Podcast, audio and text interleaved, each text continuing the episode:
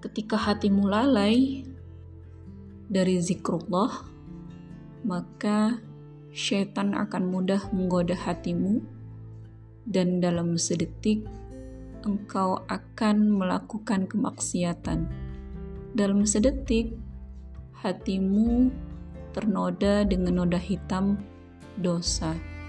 Maka senantiasalah zikrullah untuk menjaga hati dan pikiranmu dari bisikan-bisikan syaitan yang menggoda manusia untuk melakukan setitik dosa yang itu akan kita sesali di kemudian hari.